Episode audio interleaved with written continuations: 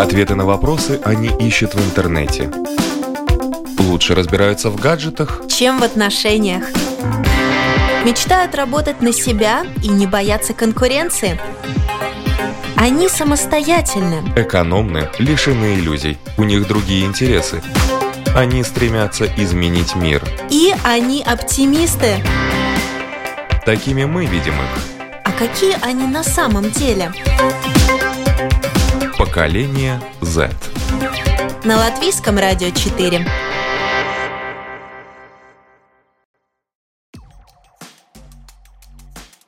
Здравствуйте, уважаемые радиослушатели. У микрофона Марина Талапина. В эфире программа «Поколение Z» за операторским пультом Григорий Мамилов. И сегодня мы будем говорить об одежде. По одежке встречают а почему провожают, узнаем попозже. Я рада представить, у нас сегодня в студии на эту тему будут говорить София Гурина. Добрый день. Леонард Теснов. Здравствуйте все. Кирилл Гончаров. Здравствуйте. И гости из Санкт-Петербурга, доцент, кандидат психологических наук, практикующий психотерапевт, также преподаватель Российского государственного педагогического университета имени Герцена Ирина Сергеевна Богачик. Здравствуйте. Итак, первый вопрос всем. Сегодня э, все одевают, что хотят, комбинируют многое со многим – что раньше даже не предполагалось. Например, там кеды с бальным платьем. Пожалуйста, почему бы нет? Вот. Вот сегодня век такой, казалось бы, свободы. Все равно встречают по одежке. Честно говоря, в последнее время в моей голове тоже стали появляться мысли, когда я общаюсь с людьми, что я не только обращаю на их речь, на то, что они несут в этот мир, как они разговаривают, как они себя ведут, и стала обращать на одежду тоже, в том числе. Это произошло совсем недавно, возможно, как-то я повзрослела, и для меня это тоже стало важным фактором. С одной стороны, немного грустно, потому что когда я общаюсь с подругами, допустим, если мы гуляем, если мы видим различных девочек, мальчиков, чаще всего наши разговоры заключаются в том, что мы обсуждаем их внешний вид. И, как мне кажется, это достаточно плохое качество, которое появилось во мне обсуждать людей, их одежду, ведь на самом деле, по большому счету, в человеке должно быть прекрасно все. От одежды до его внутреннего мира в первую очередь. Поэтому я стараюсь как-то избавиться от этой привычки. Стараюсь обращать на внутренние положительные качества человека. Стараюсь обращать на то, как он разговаривает, насколько вообще ему интересно общаться со мной. А уже на второй план выходит то, как он одет. Но, э, вполне все логично, но чаще всего людей на улице то, Но как они выглядят, первое. да, мы, это первое, что мы видим, да. В любом случае человек для нас становится красивым только тогда, когда он нам приятен в общении.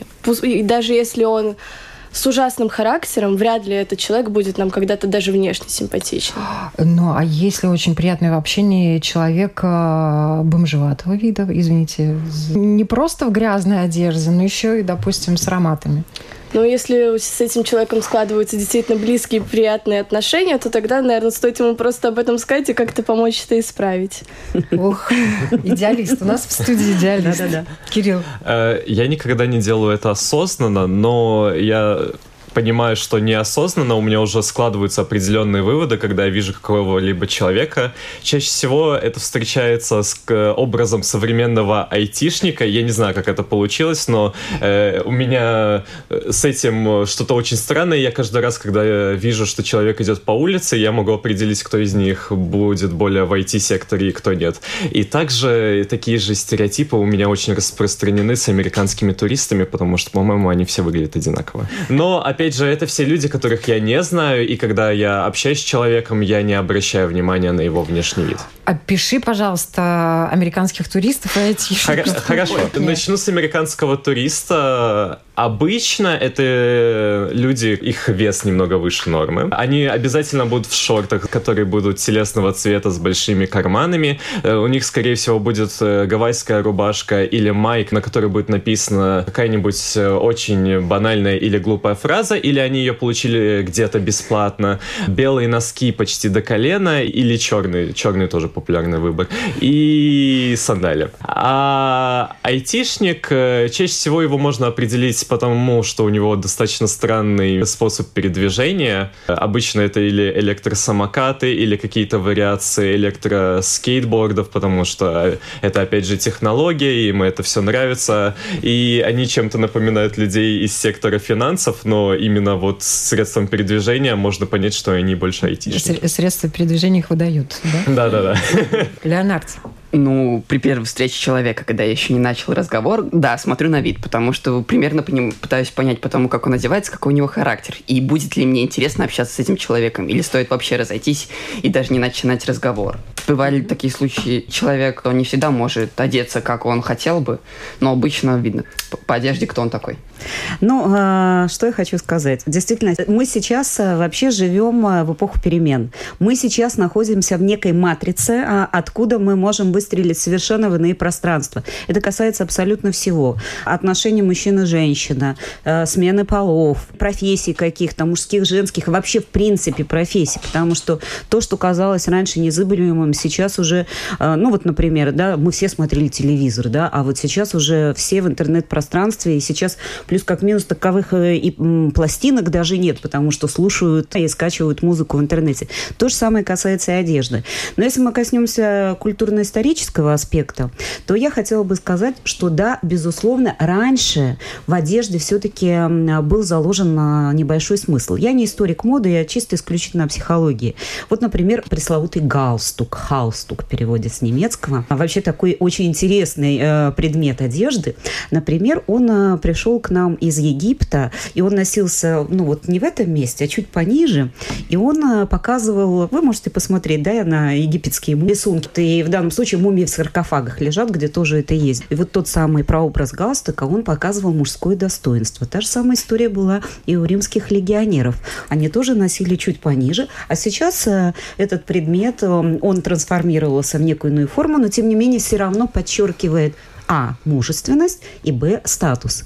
А вот, например, э, классическое кимоно, то есть некий халатик, да, с бантом таким очень сложным сзади. Вот этот бант, он символизировал не что иное, как горб женщины, потому что основная символика и вообще смысл жизни женщины заключался в служении мужчине. И поэтому она должна была э, ходить немножечко вот э, присогнувшись, да, преклонившись, что на ней груз вот этих отношений, тяжести и так далее.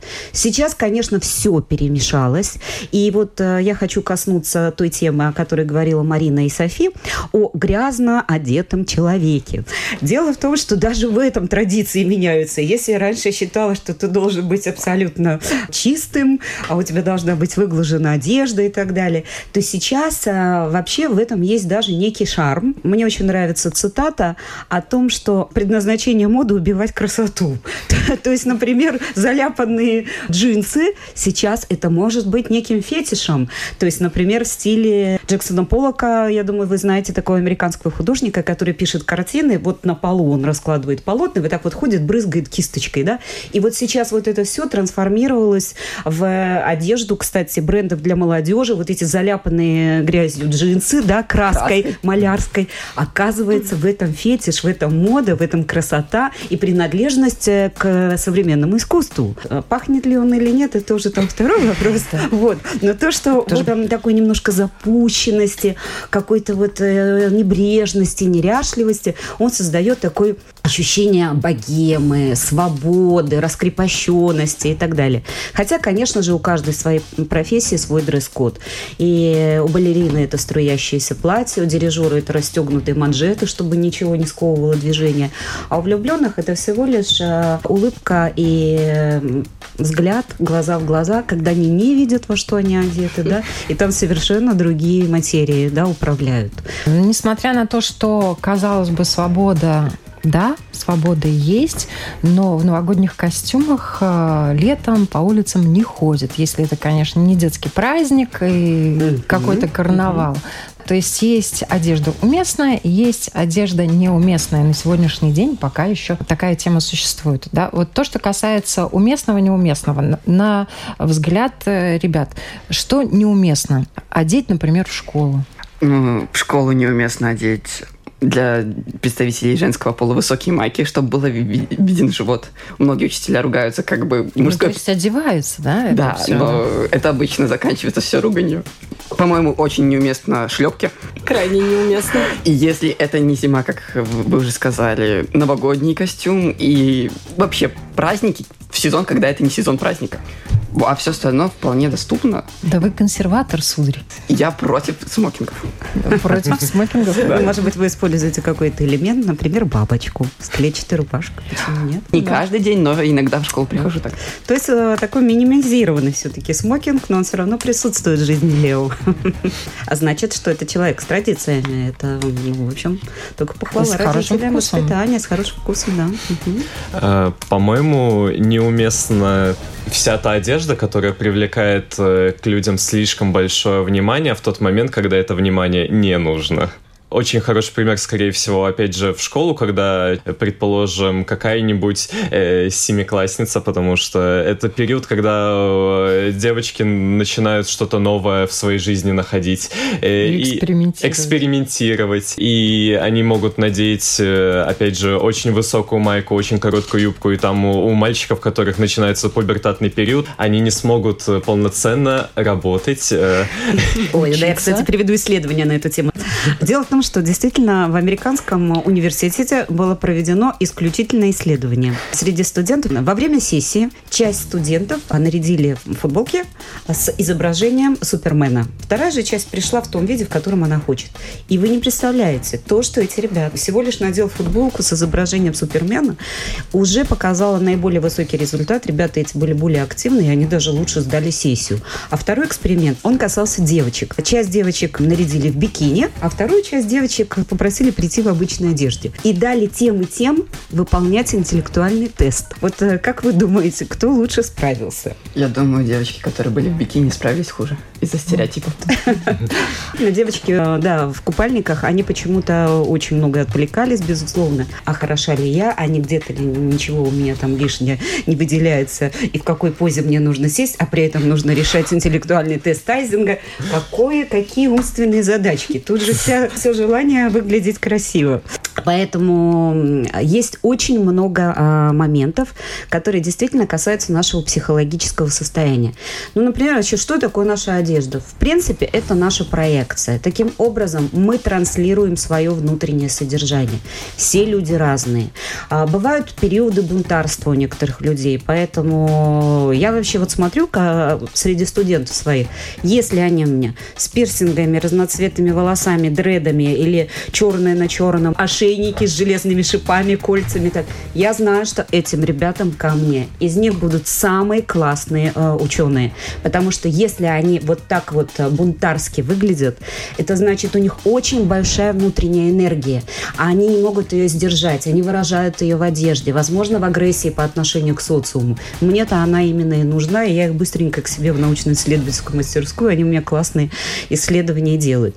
Но а, если поговорить о классической истории все-таки психологии моды, есть два направления. Это форма и цвет. И вот я хотела бы вначале остановиться на форме, буквально два слова.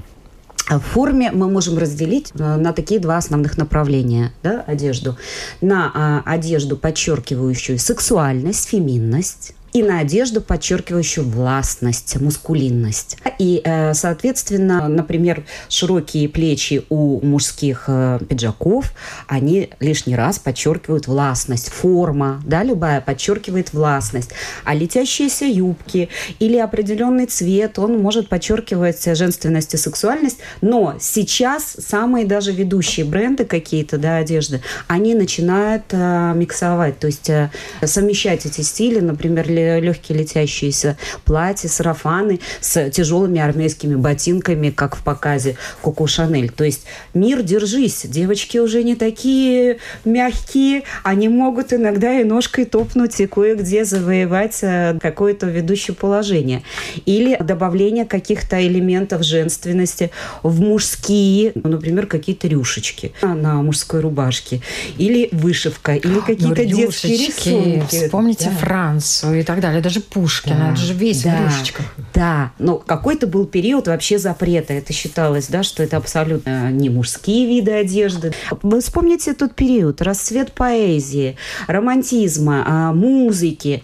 И именно внутренняя женщина в мужчинах, она расцветала, она творила, она писала музыку, и мужчины не стеснялись плакать. А ведь был период, когда мы говорили, пацаны не плачут. И а, получили огромное количество войн из-за этого в глобальном масштабе. Потому что когда человек не может естественным путем выразить свои эмоции, он обретает для них иную форму. Например, в 80-е годы были модные подплечники, которые женщина э, под жакеты использовала, и тем самым создавался образ такой вот властной женщины, это расцвет феминизма и так далее. Сейчас, еще раз повторяю, у нас нет четких тенденций в одежде. Вспомните 60-е. Вот Джаклин Кеннеди, да, милая барышня, хозяйка всего. Хозяйка а, в доме, хозяйка вообще Белого дома. Полностью переделала Белый дом. И все женщины хотели и равнялись, и хотели быть как она. Они носили такие же прически, такие же костюмы. Сейчас невозможно сказать, какие вот основные тенденции. Вот настолько все перемешано, что относительно формы сейчас сказать сложно. А вот относительно цвета, вот это вот более интересная история. Я хотела сказать э, еще об одном аспекте, и потом, наверное, действительно перейдем к цвету и к цвету. вопросам, которые Мгм. ребята Да, хотят да, да, задать. В наши дни э, национальную одежду одевают только по большим праздникам, специальным для этого отведенным. И вот эта национальная одежда, она, в принципе, отличает одну страну от другой. А то, что касается одежды повседневной, это одни и те же бренды, которые продаются в разных странах. Да? Кто может себе позволить шопинг, ездит э, в Милан, Париж, Нью-Йорк, Лондон. И, в принципе, в разных уголках э, мира можно встретить э, людей в одной и той же одежде. Вот это унифицированность. То, как раз о чем, наверное, вы и говорили. К чему она может привести в плане восприятия другого человека? Чем вообще люди могут отличаться в разных странах, если одежда у них одинаковая? Очень хороший вопрос. Дело в том, что вот эта универсальность, она, с одной стороны, имеет э, очень положительные черты. То есть мы все становимся единым миром, то есть границы стерты. Уже совершенно не важно, какой ты национальности, в какой стране ты живешь. И именно на фоне этой универсальности, как если бы это была вернисаж. То есть одни и те же стены, на которых ты можешь повесить свои картины. Это дает дополнительную возможность тебе быть индивидуальным. Возможно, даже создавать свою одежду, да, и проявлять себя в этом. Может быть, какие-то элементы одежды, аксессуары и так далее. То есть сейчас это дает больше возможности Хотите, сегодня здесь мы вешаем работы старых мастеров, а сегодня мы вешаем да, современное искусство или вообще какие-то инсталляции. Я как раз вижу в этом плюсы. Если ты талантлив, ты будешь талантлив во всем, и ты в любом случае, даже в одежде, найдешь свое самовыражение. Но чувство стиля, к сожалению, не всем дано. Да, чувство стиля, к сожалению, не всем дано. И здесь э, ключевую роль играет наша семья. Дело в том, что дети учатся не по слову, а по подражанию. Если есть образец э, подражания, ну, например, модная мама или, например, модная сестра, то ты просто впитываешь это в себя, вот что называется, с молоком матери. Вот э, национальные особенности накладывают очень серьезный отпечаток. Например, есть очень четкое отличие французского и итальянского стиля. Вот стилисты сразу увидят и узнают, где это итальянские бренды, а где вот это вот французские бренды. Это тоже показывает абсолютно принадлежность да, к той или иной э, среде или к внутреннему состоянию. Вот я, например, русская, а стилисты мне говорят, ты одеваешься как итальянка. А вот, допустим, твоя подруга, она одевается как француженка. Уже даже вот в этом есть э, какие-то приоритеты. Но в любом случае никто не запрещает учиться. И если рядом с тобой появляется человек, который чаще всего, кстати, нравится нам не внешне, а нравится нам внутренне. Может быть, он классный музыкант или прекрасный оратор. Мы интуитивно хотим а, быть похожим на него. Хотя бы в чем-то. А самое легкое, что мы можем сделать, в чем мы можем быть похожи? Прическа, макияж, одежда. Поэтому так много, допустим, поклонников у каких-то блогеров за ними следят да, и также наряжаются. К теме нашей сегодняшней беседы по одежке встречают. Да. И тут, наверное, как раз цвета играют важную роль для того, чтобы произвести хорошее впечатление какие цвета на себя одеть в нашем унифицированном Ой. мире? Замечательный вопрос. Дело в том, что здесь и цвет, и вид одежды. Это вот такие же знания, как э, знать таблицу умножения. И ты абсолютно четко будешь понимать, какую психологическую реакцию ты получишь от человека. Хочу вам сказать, что первое впечатление, которое мы производим на человека в одну четырнадцатую секунду. И вот как-то у него уже запечатлился как образ. И если этот образ, ну, плюс-минус не очень понравится, очень сложно потом вот это вот изменить. Поэтому, может быть, э, нужно да, какие-то моменты учитывать прямо сразу. Теперь давайте про магию цвета. Я безумно обожаю. Вообще все, что связано с цветом, это заныривание в коллективное бессознательное. Потому что каждый цвет показывает твое внутреннее состояние. Это как психологический анализ крови. Так вот, э, например, э, черный. Вот черный цвет э, все считают психотерапевты, что это цвет негативной активности. А я считаю, что в нем огромное количество заложено энергии, потому что черный цвет дает нам доказательную позицию. Ах, вы говорите, что я не очень умна, получите, я вам докажу. Вот вам, значит, два высших образования с красными дипломами. Ах, вы говорите, что я не умею там, ну, условно говоря, деньги зарабатывать. Э, пожалуйста. Но также черный цвет, он еще является цветом элегантности и цветом диссоциированности от собеседника. То есть э, те люди, которые очень много общаются с людьми, они очень часто выбирают черный. Например, дирижер. Или, например, э, все продавцы в бутиках Джорджа Армани, как и он сам, всегда э, одеты в темные наряды. Это некий цвет диссоциации, чтобы не впитывать чужую энергию, когда слишком много я общаюсь. Но в то же время и цвет элегантности, особенно для барышей, даже для мужчин.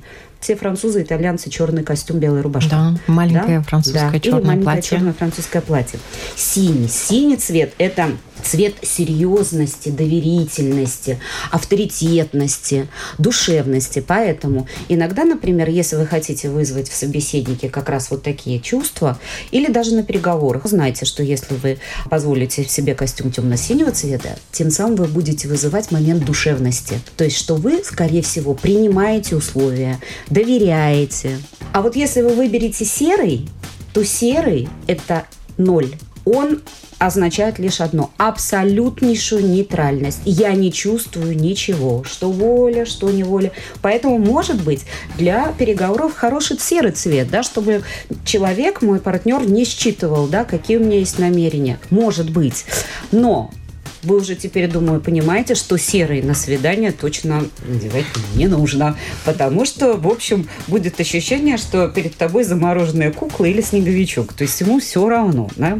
Зеленый. Зеленый – это цвет высокого статуса. Бессознательно создается ощущение, а потянешь ли ты меня? а такой ли ты успешный? Поэтому, если девушка приходит в зеленом платье, с одной стороны, да, яркое, красивое, цвет травы, но далеко не всем мужчинам нравится или ребятам нравится этот цвет, потому что вот такие бессознательные ощущения.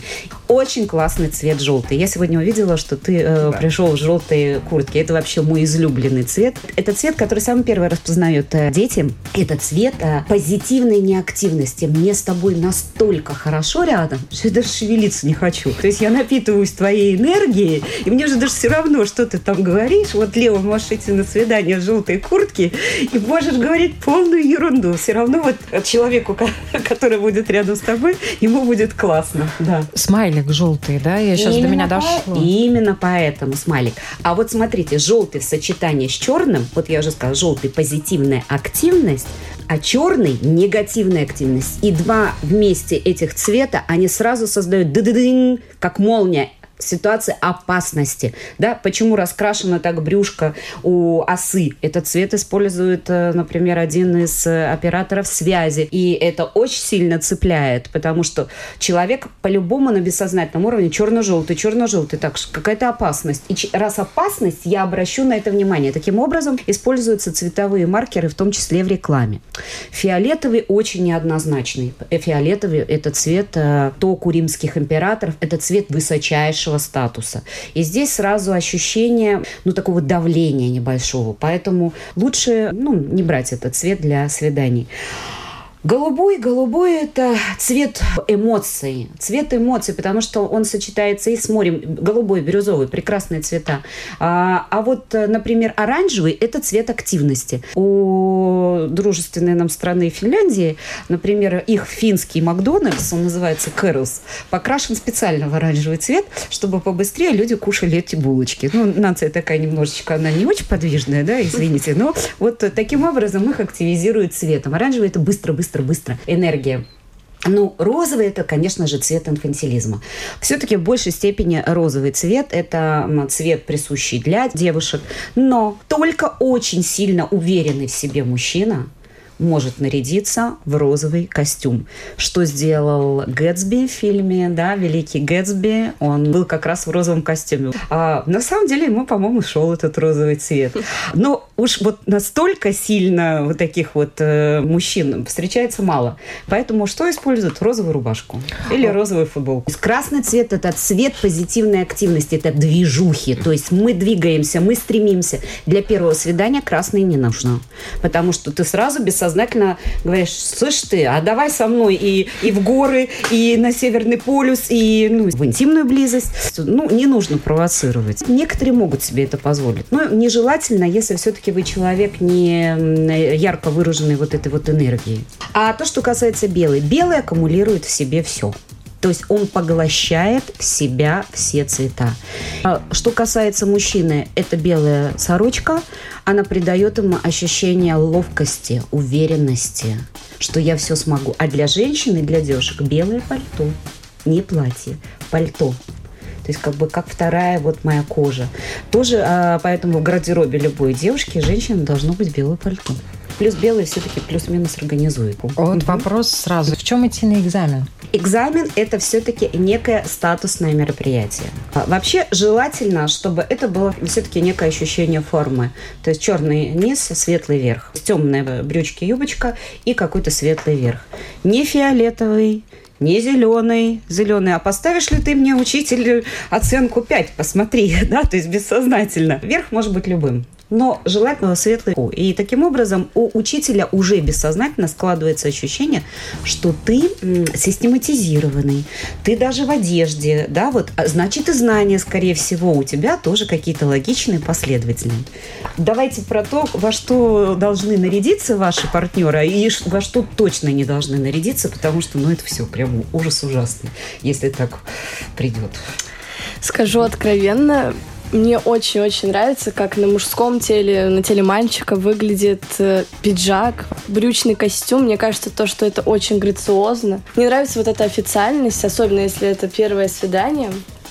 Мне кажется, то, что сразу по человеку видно, то, что он готовился, то, что он серьезно к этому отнесся. Возможно, то, что у него какие-то серьезные намерения.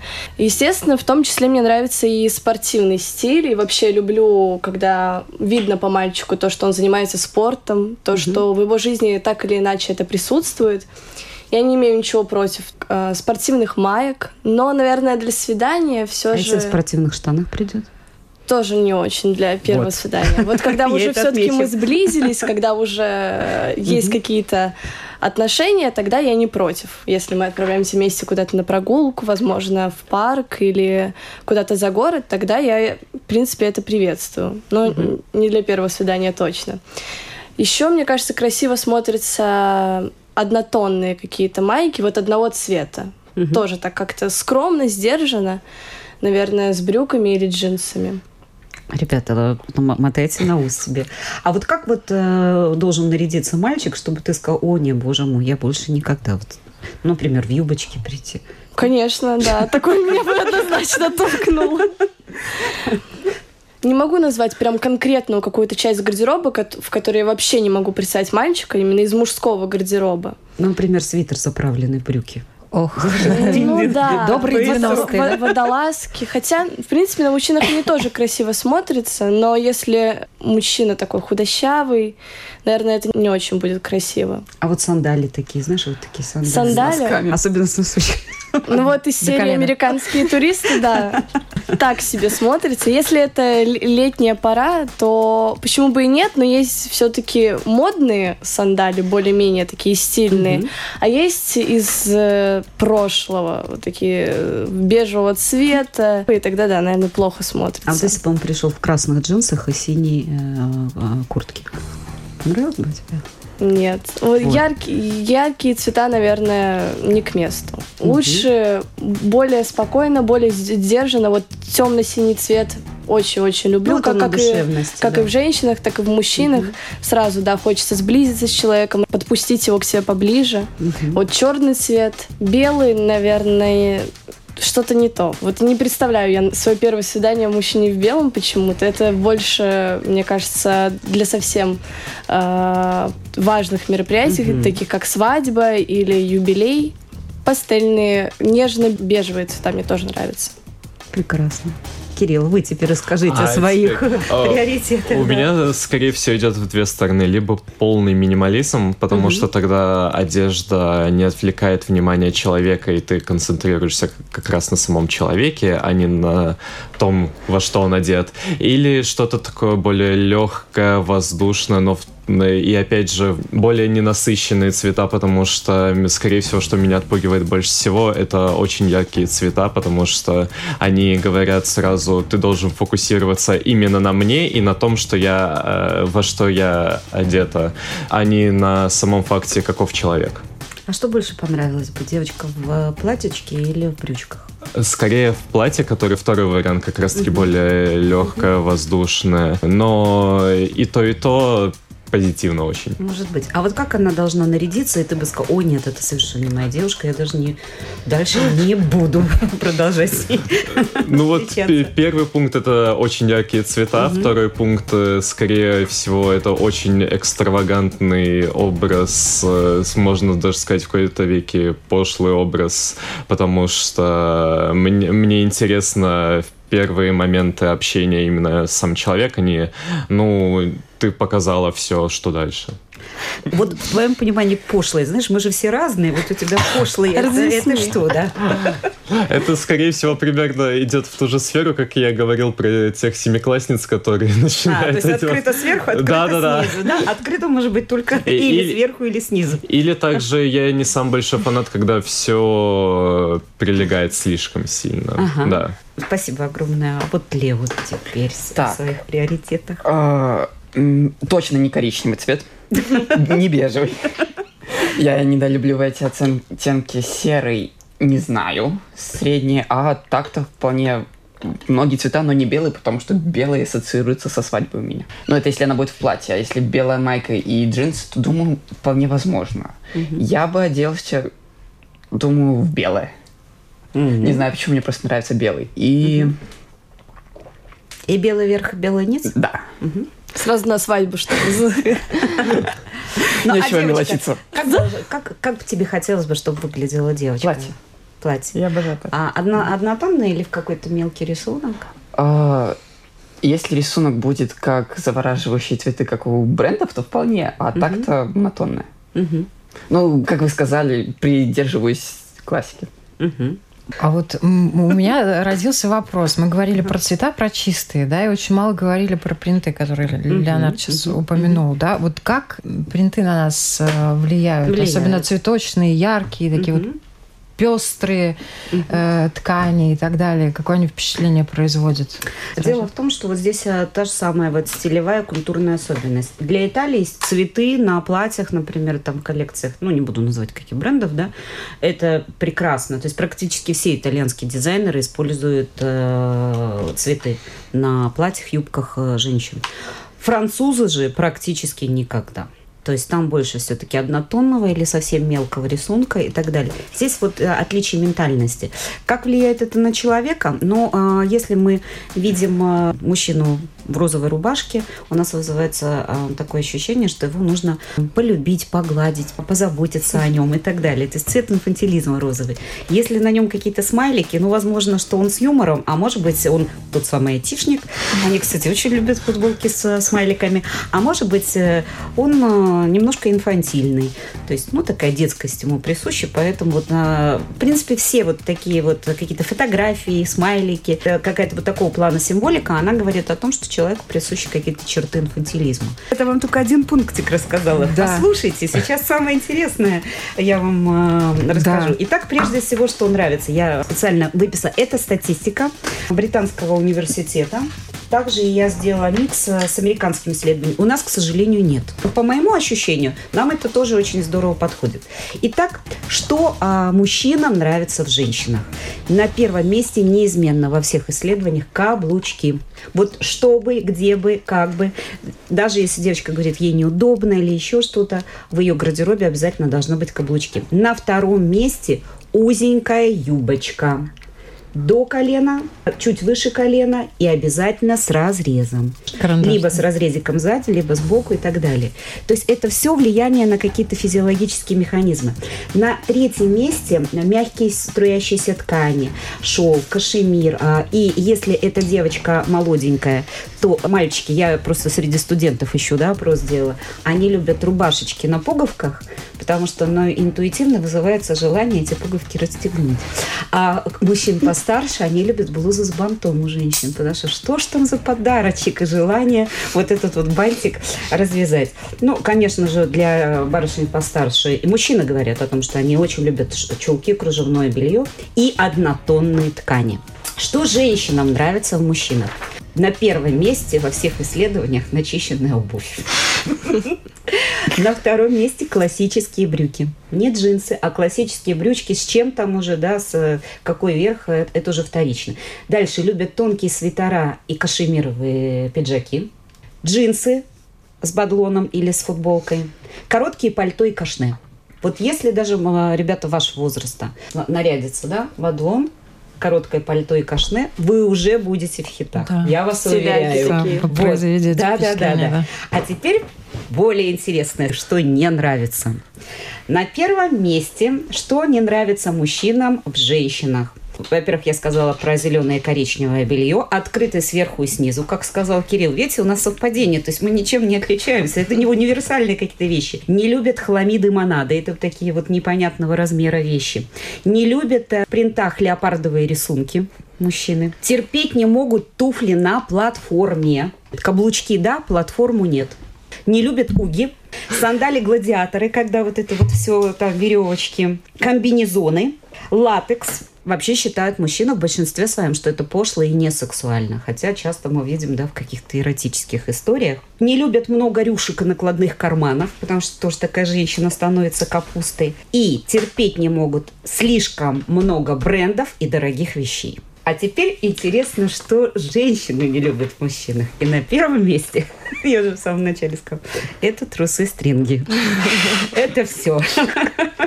На втором месте спортивные штаны – Потом идут грязные разношенные ботинки, рубашки гавайки, поэтому вот эти американские туристы, ну вот с точки зрения да, психологии моды, это вообще вот абсолютнейшее да, ну, отсутствие какой-либо эротики, сексуальности и так далее. Рубашки гавайки не любят пиджак на голое тело, слишком обтягивающие джинсы, ну и а, не любят жутко вот заправленные свитера в брюки и вот те самые пресловутые сандали с носочками. Вот такие вот, это прям такие знания классические, которые плюс-минус нужно держать э, в голове. И э, в ту самую одну четырнадцатую секунды ты уже сможешь сформировать определенный образ и психологическое отношение к себе. Вот. У нас осталось очень мало времени. Последний вопрос мы э, можем оказаться в разной ситуации, угу. да, не подготовлены к первому свиданию, а свидание назначено, времени переодеться нет, как на тот экзамен, да? Вот. И а, если вдруг ты не чувствуешь себя в этой одежде уверенно или не произвел то самое первое впечатление, которое хотелось бы произвести, как выкручиваться? Чем брать? Что делать? А, смотрите, проблема решается двумя путями, любая. Это вот вам так как лайфхак. Ее можно либо выпечить, то есть сделать, вот очень сильно сакцентировать на ней внимание, либо спрятать. В данном случае спрятать, например, то самое платье, которое вот тебе не очень идет, но уже куда ты его спрячешь? Ты уже пришел, да, и ты видишь, что плюс-минус, и тебе в нем некомфортно, и ты не произвел впечатление. Здесь очень легко выпечить проблему, но если у вас есть внутренняя сила для этого, сказать, вот какое ужасное платье. Вот мне вчера, вот я знала, что не нужно покупать. Мне в нем и тесно, и жмет. Простите, я из-за этого платья прямо вот сегодня, вот я не знаю, сама не в себе э, и так далее. То есть перенесли акцент на платье. В принципе, весь негатив слили на это платье, еще и сказали, что вам его, например, порекомендуют. Вот я знала, что не надо. Вот мне вчера навязали, вот послушалась, сказали, такое красивое платье, так мне идет. А я ведь знала, что оно мне не идет. А вы как считаете, оно мне идет или нет? Во, еще вот такой классный прием. То есть переложить ответственность на собеседника. Пускай теперь он И все. да? Да. Жмут туфли. Я, например, очень часто прям сбрасываю и хожу перед своей аудиторией. Говорю, слушайте, туфли. Туфли должны быть красивые, как говорит одна известный дизайнер, но, к сожалению, неудобные. Поэтому, сори, для того, чтобы я все-таки вам рассказывала о психологии, я позволю себе снять эти туфли. Да. Сильно ли первое впечатление влияет на то, как сложится дальше общение? Сильно. Сильно. Поэтому я говорю, вот это вот первый момент, его нужно очень сильно учитывать. И хочешь э, понравиться, исходи из своего состояния. Нарядись в то, в чем ты сам себе кажешься ну, просто неотразимым. И все пойдет от тебя изнутри. То есть это может быть, я говорю, все что угодно, хламида монада. Но если тебе в этом кайфово, и ты считаешь себя в этом супергероем, все остальное будет зашумлено. Даже если первая реакция будет, он пришел в юбке. Но дальше, если ты начнешь фонтанировать креативом, еще чем-то, слушай, теперь я понимаю, почему он пришел в юбке. Это не составляющая часть его самого. А сильно ли отличаются то, как одеваются люди в России и в Латвии? И где больше встречают по одежке? Есть такое? Конечно, в России. Это правда. А Латвия все-таки уже э, плюс-минус такая европейская страна, и здесь очень сильны э, традиции именно Европы. А, не выделяйся, не, а, не акцентируй внимание на себе одежды и так далее. Одежда должна быть комфортной, удобной. А Россия, она все-таки на стыке двух цивилизаций, то есть западной и восточной. И в нас очень много в России России восточных традиций. То есть поэтому это может быть яркий макияж, это могут быть яркие цвета, украшения и так далее. У нас даже музыка такая, половину какая-то западная, половину восточная. Молодежь тоже отличается а? внешне. Вот по поводу молодежи, э, скорее всего, уже нет. Нет. А, уже нет, да. И я вот смотрю по своим ребятам, студентам, вот уже вот та самая универсальность, о которой сказала Марина. Угу. Какие самые распространенные ложные суждения, основанные на внешнем виде человека? Угу. А, что если он, а, допустим, не ряшлив в одежде, скорее всего, он будет неряшлив в отношениях, и а, не нужно неряшлив в работе и так далее. Или, допустим, если на нем нет дорогих брендов, значит, он а, бедный, и зачем тогда иметь с ним какое-то дело? Отличается ли частота подобного поведения, как э, создание стереотипов э, на фоне внешнего вида среди разных поколений? Будет угу. ли это поведение более частым у молодых или у более старших людей? Конечно, в основном стереотипы это все-таки для людей более взрослого поколения. Хотя вот был период абсолютнейшего хаоса, когда вообще плюс-минус вообще, э, ну, я не знаю, только выражение было в каких-то молодежных субкультурах, там, допустим, вот панки, рокеры или еще что-то. Там вот э, была абсолютно четкая приверженность э, к идее, даже посредством одежды, да, одежды, прически и так далее.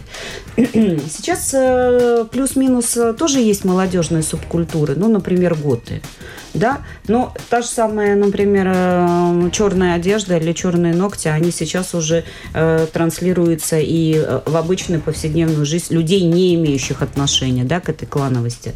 А, те же самые, например, разноцветные волосы, которые были присущи раньше только панкам, да, они тоже сейчас, э, я говорю, сплошь и рядом у меня студенты с разноцветными волосами ходят. Для меня это определенный даже показатель.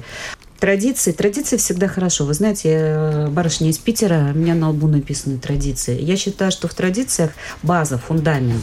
И в том числе и традиции по поводу мужчин, женщин, девушек, юношей.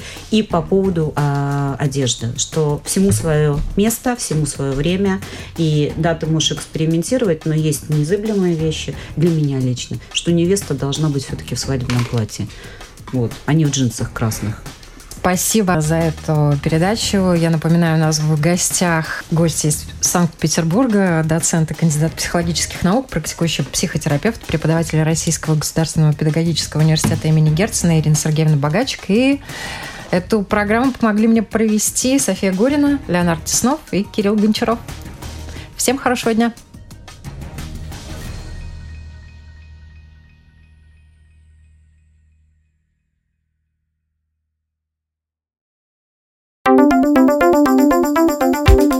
Ответы на вопросы они ищут в интернете.